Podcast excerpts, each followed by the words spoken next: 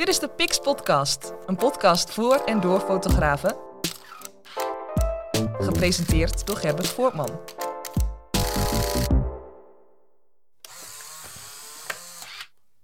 Daar zijn we. We zijn uh, in de tweede aflevering van de Pix Podcast. En uh, we gaan er nu eens uh, echt serieus voor zitten. We gaan er echt aan beginnen, want...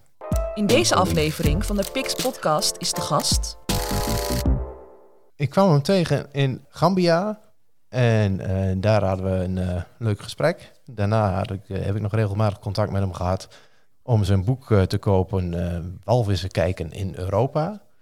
Nu zit hij hier achter de microfoon in de tweede aflevering van de Pix podcast. Hier is Martijn de Jonge.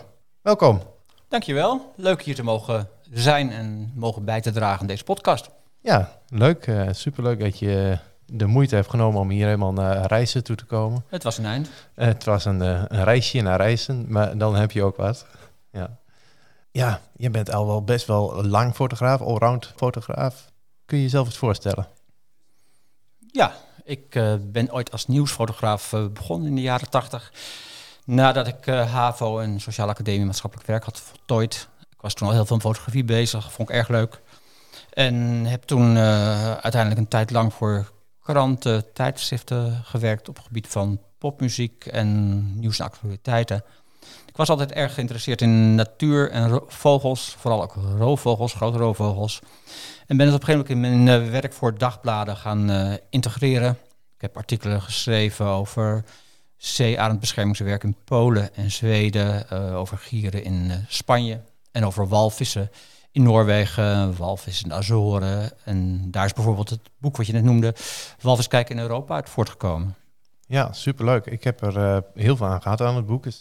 Dat stond echt vol met uh, tips. En ja, vooral als je uh, voor het eerst in je leven in, in, in zo'n bootje gaat stappen en dan bijvoorbeeld walvissen gaat fotograferen. En dan wordt, ja, dat is toch wel een andere tak van sport dan, dan dat je gewoon veilig vanuit je autootje vogeltjes fotografeert of vanuit een hutje.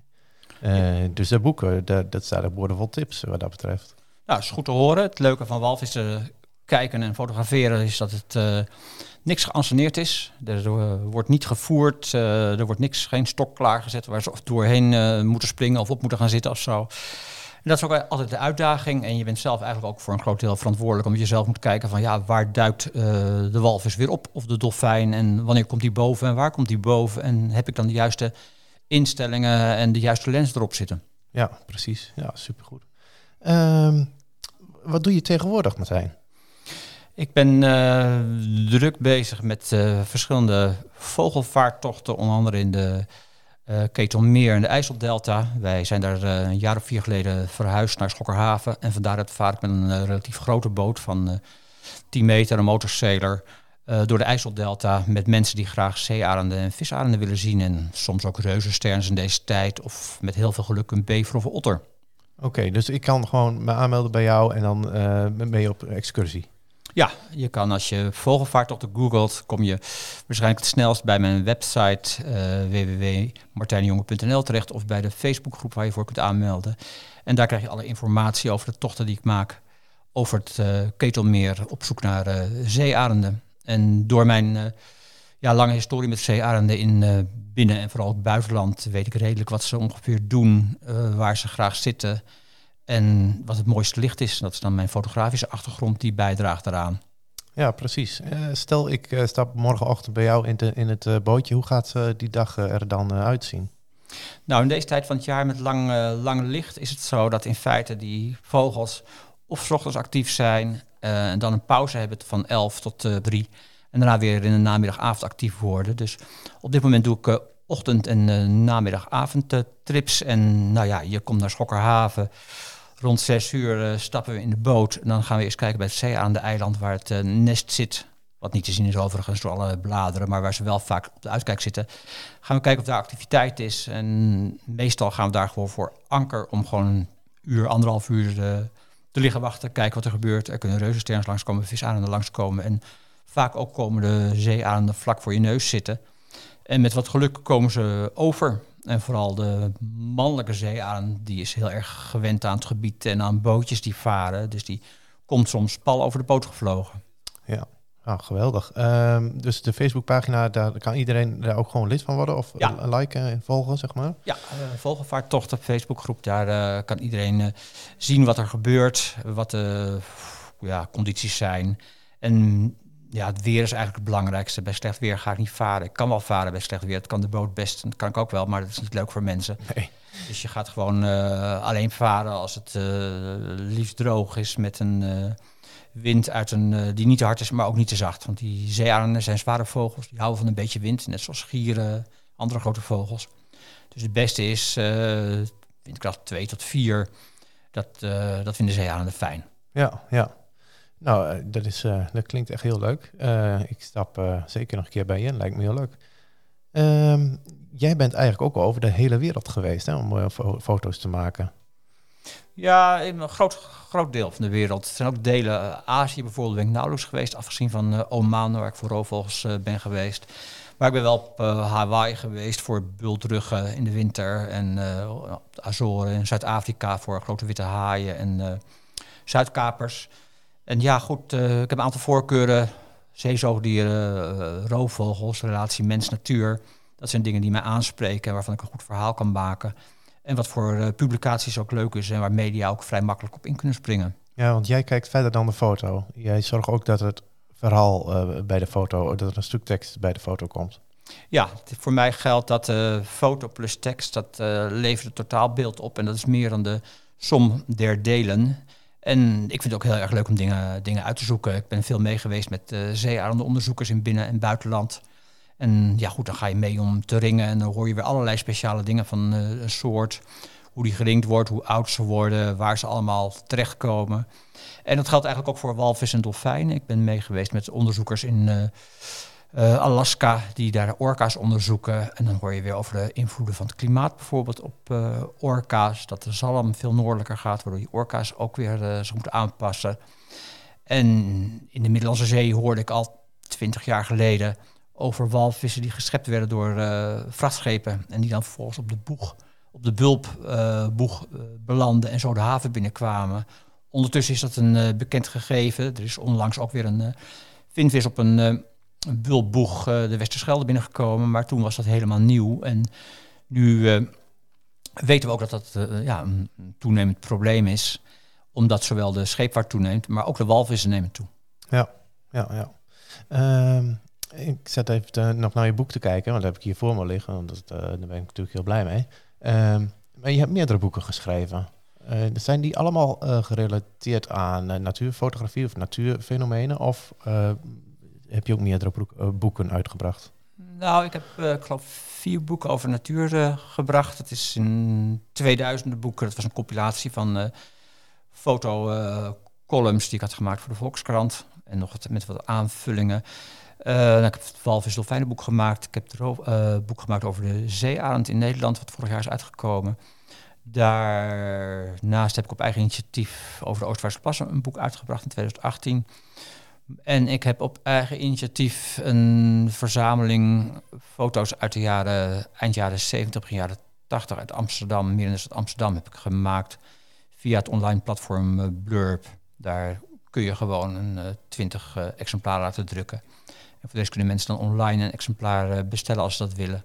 Als je door je oplagen heen bent. En dat is erg leuk om gewoon oude analoge fotografie die ik lange tijd heb bedreven. Om die op zo'n wijze weer uh, te kunnen publiceren. En je scant het in, je zet er een aantal online. En voor de rest kondig je aan van joh, ik ga die uitgave maken. Wie uh, interesse heeft, maak zoveel over op mijn uh, IBAN. En je krijgt het per omgaande via PostNL thuisgestuurd. Ja, unieke exemplaren en, en, en kleine oplagen. Dus ja. Ja, en het, ja, het kan allemaal natuurlijk tegenwoordig. Dat is het leuke. Je kan alles aan beeld, aan, uh, aan, video, aan foto's, aan tekst, aan informatie kun je gewoon verspreiden. En als je een beetje weet waar mogelijke potentiële klanten of geïnteresseerden zitten, dan uh, kun je het ook op dat soort platforms uh, droppen en gewoon ja, een beetje alsof je aan het hengelen bent. Kijken van waar is er interesse wie willen mijn product, om het zo maar te noemen, hebben. Ja, precies. Um, op het gebied van de zeearend, want daar ben je gewoon tegenwoordig het meest betrokken bij. Uh, wat is eigenlijk het mooiste moment wat je hebt meegemaakt vanaf je eigen bootje? Ja, ik denk dat uh, even terug, uh, terugkoppel naar het, het mooiste moment ooit, bijna ooit. Mhm. Dat was um, toen ik begin jaren 90 van de vorige eeuw contact had gelegd met Poolse onderzoekers. Ik kwam mee met uh, ringwerk. Ik was al met winterwerk mee geweest in Zweden. Ik wou graag mee met het kleuringen van zeearenden. En nou, dat was eindelijk allemaal afspraken gemaakt. Het ging toen nog heel moeilijk zonder, zonder internet. Dat ging hooguit met een fax. En ik had daarvoor al heel vaak geprobeerd van schuilhutjes in Nederland en andere landen zeearenden te fotograferen. Dat was eigenlijk niet of nauwelijks gelukt. En ik had daar ook wel een beetje de beste over in, als ik het zo mag noemen. En nou, vervolgens gingen wij met in Polen, ik met een Poolse bioloog en een klimmer in mijn auto, gingen we een bos in en we stopten ergens en we gingen recht toe recht aan zo'n zeearendennest af. En vijf minuten later stond ik met een jonge zeearend in mijn armen. En dat gaf een buitengewoon groot gevoel van uh, voldoening. Ja. En ja, ja, dat je uiteindelijk, je hebt zo lang achter een beest aangezeten en zit voor ze te wachten en zitten doen. Dat was toen veel moeilijker dan nu. En als je dan eindelijk zo eentje te pakken hebt, dan heb je echt zoiets van yes, uh, ik heb hem. Ja, daar doe je het voor. Ja, ja. En nou ja, dat was natuurlijk uh, anderzijds toen ik eenmaal in Polen had uitgevonden dat je met die schippers, met die vissers mee kon en zo uh, zeearenden van dichtbij een vlucht kon fotograferen. Ja, was natuurlijk de volgende stap dat ik uiteindelijk zelf gelukt is om dat in Nederland, uh, in Nederland te doen. Ja, ja. En nou, nog, nog een keer de vraag, de, de, het mooiste moment op, vanaf, vanaf je eigen boot hier in Nederland? Ja, dat is um, uiteindelijk die, die, foto, om het dan uh, maar daaraan te koppelen, die is uiteindelijk ook op de voorkant van mijn uh, boek over de zeeland in Nederland terechtgekomen, wat vorig jaar is uitgekomen bij de KNV-uitgeverij. En dat is een um, foto dat in een aantal dode boomtoppen zit de mannelijke zeearend die roept en de vrouwelijke zeearend die landt met de vleugels helemaal uit met vol licht erop en ook roepend. En die naast elkaar. En daardoor zie je een zeearend zowel in zit als in vlucht. En je ziet ook nog de interactie die ze onderling hebben. En dit is dan ook nog het, uh, ja, het langst bekende uh, paar van Nederland, omdat ze allebei geringd zijn. Eentje, de vrouw is in de Oostvaardersplassen geringd in 2007 en de man is in Duitsland geringd in 2006. Daardoor weten we dat dit paar al elf jaar bij elkaar is. En die foto van dat paar, van de man die in die tak zit te roepen en die vrouw die dan voluit daar landt met mooi licht, laag licht de vleugels, dat is wel denk ik echt een uh, foto die de grootste voldoening geeft. Ja, ja, ja. mooi, mooi. Um, ik weet uh, dat er in uh, het Lauwersmeergebied uh, zeearenden zijn en rond, de, rond het Ketelmeer, Oostvaardersplassen denk ik, Biesbos. Uh, bij Deventer heb ik ze gezien. Langs de IJssel. maar het, het, gaat wel goed met de zeearend, hè? Ja, het gaat goed met de zeearend. In die zin dat in 2006 we het eerste succesvolle broedpaar hadden in de Oostvaardersplassen. En we nu in ja, 15 jaar tijd naar uh, 15 paar zijn gegaan. En dat is een beetje hoe je rekent uh, of het succesvolle paren zijn of niet. Maar vorig jaar hadden we 20 paren die een nest hadden. En daarvan waren er 14 succesvol. En die hebben vorig jaar 22 jongen laten uitvliegen, grootgebracht. Nou, dat was een absoluut record van Nederland, omdat ja, de jaren daarvoor waren er niet meer dan 14 of 15 jongen uitgevlogen. Er moet wel bij gezegd worden dat uh, dit jaar er overal legsels van de zee aan het mislukt zijn om allerlei redenen. Nesten zijn uitgewaaid in de Biesbos. Er is territoriumstrijd geweest in Zeeland. Uh, er zijn uh, ja, ook onderlinge problemen geweest in het Zwarte Meer en in het Lauwers, Lauwersmeer. Maar desondanks zijn er ook dit jaar, geloof ik, weer nou, tussen de 13 en de 15 jongen grootgebracht. En je moet rekenen, zeearend is een langlevende soort, dus als hij een minder jaar heeft, is dat helemaal geen probleem. Daarbij is de hele nieuwe populatie in Nederland, dus die moeten ook nog een beetje evenwicht en balans vinden, zowel met soortgenoten als met andere vogels, als met de mens. Want we zitten natuurlijk wel in een land met 17 miljoen mensen. En dat is best een hoge dichtheid voor een zeearend. Ja, ja.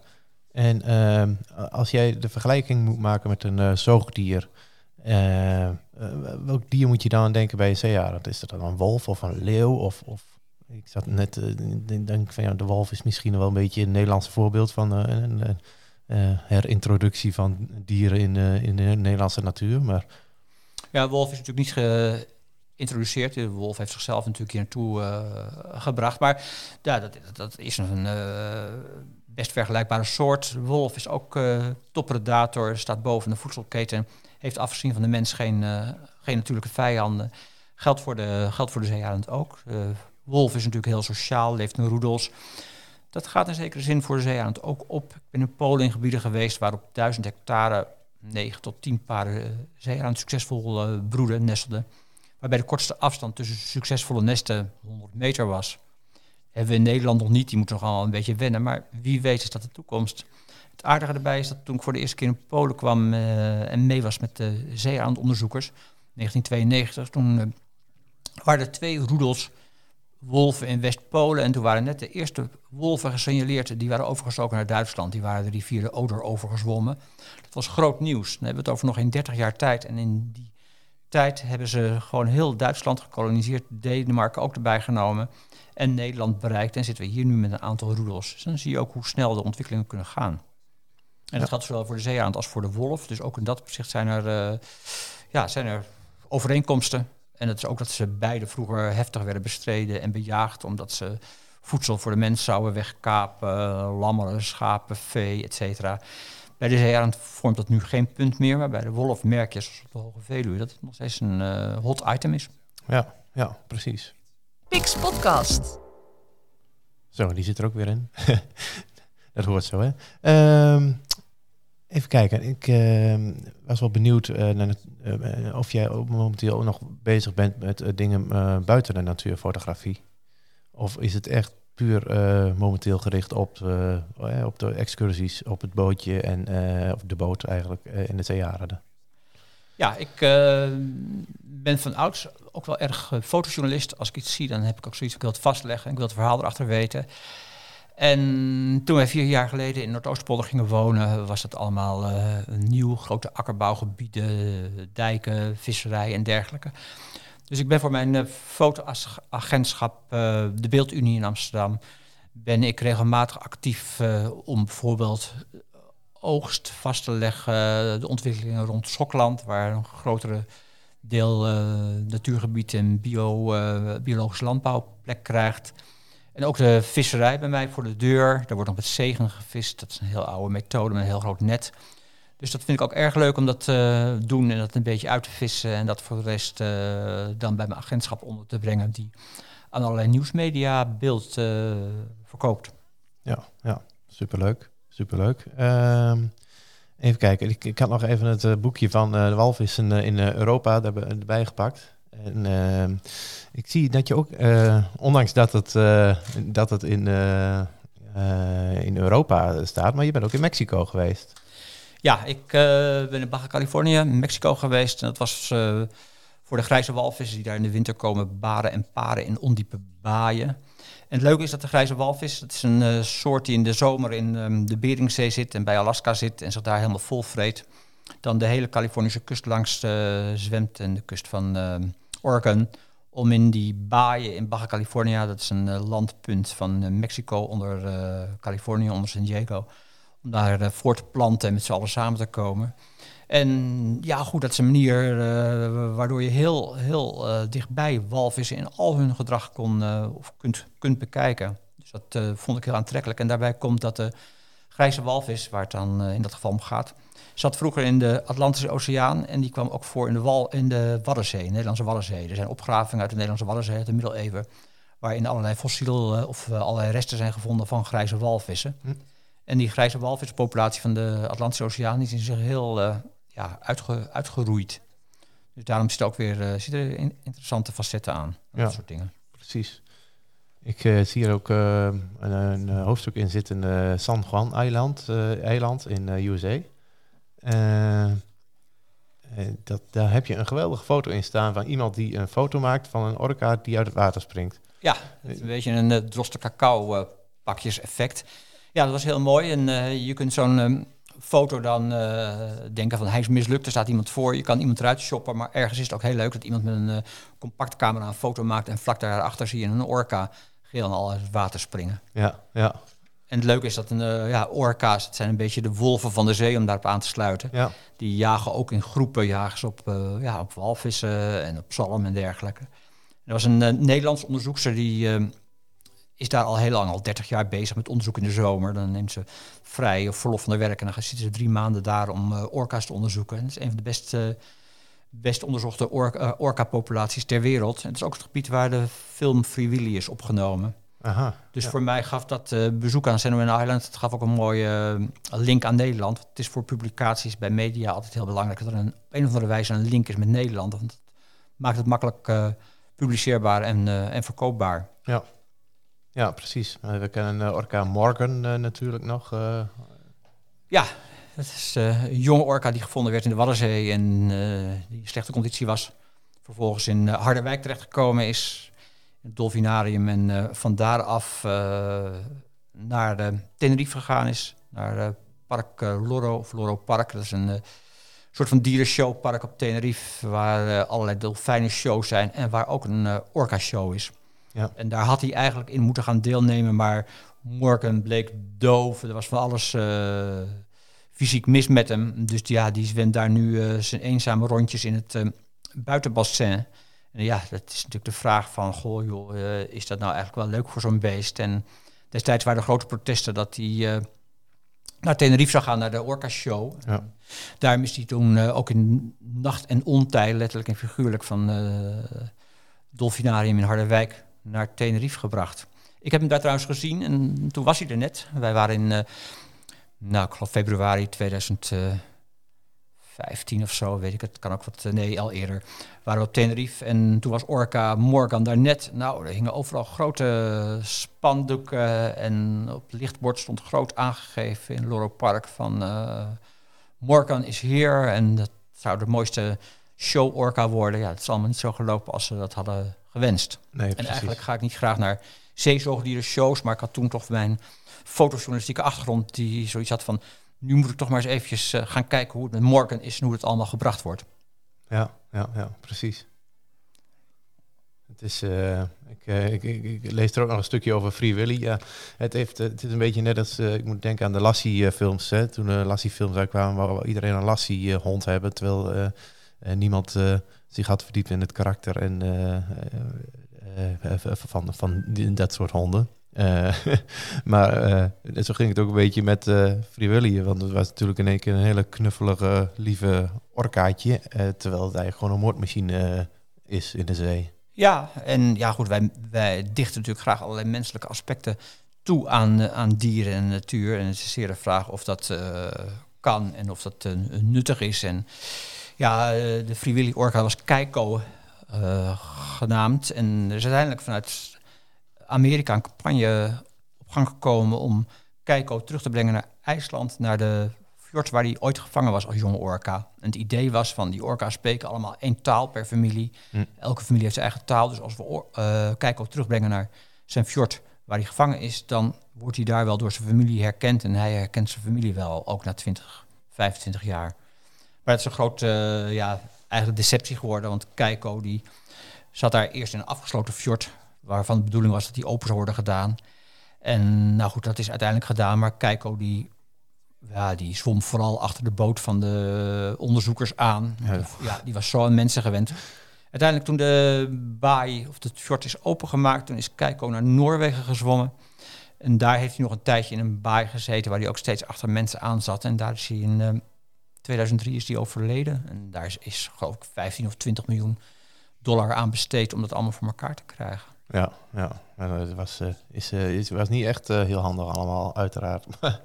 maar ja. Nee, ja, het is een dilemma. Want Keiko was na die Free films ergens in in een of ander groot zwembad terechtgekomen. Ja, die zwom daar een beetje zo rondjes. En dat was, was natuurlijk een erg tragisch geval. Zo'n filmster vervolgens en een of andere zwembadje wordt gelaten. Want hoe groot een bassin ook is voor een orka, blijft het altijd een uh, zwembad. Ja, ja, precies. Nou, bijzondere verhalen. Orka's uh, staan nog wel heel hoog op mijn lijstje om een keer te zien. nou, dan moet je een keertje naar Zuid-Spanje in de zomer gaan. Je kan de straat van Gibraltar, daar komen in de zomer orka's af op de uitstroom van tonijn uit de Middellandse Zee. Tonijn die paait in de Middellandse Zee en die gaan daarna om te overwinteren naar de Atlantische Oceaan. En bij afgaand water komen die in de staat van Gibraltar naar buiten toe. En daar komt een vaste groep orka's op af. En vanuit Tarifa, de meest zuidelijke stad, havenstad van Spanje, kun je, kun je tochten maken daarnaar. Ja, dus dat is de makkelijkste voor eh, de, de Nederlander is dat de makkelijkste weg om orka's eh, te zien. Ja, absoluut. En waar je wel rekening mee moet houden, dat is wat ik in mijn eh, boek over walvisdolfijn ook schrijf, is dat eh, je kan altijd hebben dat er een tocht niet doorgaat door slecht weer, een motor is stuk, eh boot is vol. Dus eh, probeer altijd van tevoren minstens twee liefst drie tochten te boeken, dat je gewoon zeker weet. Want ook die orka's kunnen een keer iets anders doen, Ja. er toevallig niet zijn. Dus eh, als je gaat varen, boek dan minstens eh, drie tochten. Het kost wat, maar je bent er toch al. En orka's zien, dat is onbetaalbaar. Ja, ja, dat geloof ik. Dat geloof ik echt. Ehm, in- Noorwegen ben je denk ik ook geweest. Ja, dat is leuk. Ik ben in ehm, Andenes geweest, Noord-Noorwegen. Ik had eh, voor mijn fotowerk voor krant op een gegeven ogenblik, halverwege de jaren 90 van de vorige eeuw, heel veel aangespoelde potvissen gefotografeerd. Zowel in België als in Nederland. De, op een gegeven moment potvis die was eeuwenlang niet gezien in de Nederlandse kust. En ja, toen begon op een gegeven, ogenblik, 2000, nee, 1993, begonnen de eerste potvissen aan te spoelen. En dat was eigenlijk een indicatie dat die eh, potvissen aan het toenemen waren. En dat zijn potvissen mannen die van Noorwegen in de winter trekken naar de Canarische eilanden. Om daar te overwinteren. En ik was op een gegeven moment zo zat, al die eh, dode potvissen, dat ik denk van ik wil wel zien wat die beesten doen in hun gewone eh, leven. En nou ja, in Andernes is een stuk Noord-Noorwegen op de Vestralen, waar je met eh, boten de zee op kan voor potvissen. Er is daar een overgangsgebied van diepzee naar continentaal plat. En die gebieden zijn heel voedselrijk en daar komen die potvis op af. En dat overgangszone, die shelf break zoals ze dat noemen, die zit daar relatief dicht bij de haven, waardoor je in ja, korte vaartijd eh, het kunt zien. Potvissen die hebben sonar en dat doen ze, gebruiken ze om prooien op te, eh, op te vangen, op te sporen, pijl in het vis en dergelijke. Maar door die sonar zijn ze ook door mensen makkelijk te vinden. Als je gewoon een goede eh, detector hebt, dan kun je vanuit je boot ook zien van hé, hey, er zit daar of daar een orka. Een orka, een potvis. Ja. Orka's hebben trouwens ook sonar, maar terzijde. Dus die, eh, ja, er worden daar in het zomerseizoen worden er drie keer per dag eh, wordt er uitgevaren voor potvistoeren. En ik vond het heel leuk om naar al die aangespoelde dode potvissen in Nederland en België, om nou eens eindelijk potvissen in hun eigen milieu te zien. En dat is ook de reden dat ik uiteindelijk naar de Azoren ben gegaan, waar ze zich eh, voortplanten. Ja, super mooi. We zijn bijna aan het einde van, eh, van deze podcast. Ehm, ik heb nog een vraag voor je. Nou, ik ben benieuwd. Wat wil je over vijf jaar bereikt hebben? Ja, dat is een eh, interessante vraag. Er zijn soms mensen die vragen van waar ik nog, nog naartoe zou willen reizen. Ja, nou, bijvoorbeeld? Ik ben, nu 63. Ik heb zoiets dat ik eigenlijk wel de meeste, eh, meeste gebieden waar ik wil, eh, zou willen komen geweest ben. Dat het meer zoiets is dat je naar hele goede gebieden weer terug wil. Ik ben nu net terug uit Spanje van 3,5 week. Gieren kijken en gebieden bezoeken in Aragon, noorden, noorden van Spanje onder de Pyreneeën. Maar nou, ik zou nog wel een paar mooie, mooie boeken willen maken. Films of zo. En nou, vooral nog eh, meer Nederlandse zee aan het fotograferen van dichtbij. En meer daarover uitvinden en publiceren. Want het leukste is als je om eh, beelden en ervaringen te delen met andere mensen. Ja, precies. En eh, lekker met de boot in Nederland inderdaad onze eigen zeearen bekijken. En, ja, Ja, want dat is, dat is het leuke. Wat ik in Schokkerhaven, vanuit Schokkerhaven doe, is dat ik daar drie van mijn zeg maar, passies combineer. Dat is namelijk varen. Ik vind varen heel leuk, zowel met motorboten als met zeilboten. Ik vind fotograferen van, zee, van eh, roofvogels vind ik heel leuk. Gieren, zeearenden. En ik vind zeearenden, en zeker in Nederland, heel erg leuk. Dus ik kan nu vanuit Schokkerhaven eh, die drie passies met elkaar combineren tot één grote passie. Nou ja, wat wil je nog meer in het leven? Eén groot feest bij eh, Martijn de Jonge. Superleuk dat je er was. Bedankt. Graag gedaan en fijn dat ik hier mocht zijn. Ja, superleuk. We gaan, we gaan eruit. Ik zal het muziekje weer aanzetten. Ehm, volgende keer is er weer iemand te gast. En dan eh, komen we bij je terug. Pix Podcast. Mede mogelijk gemaakt door 123pix.nl.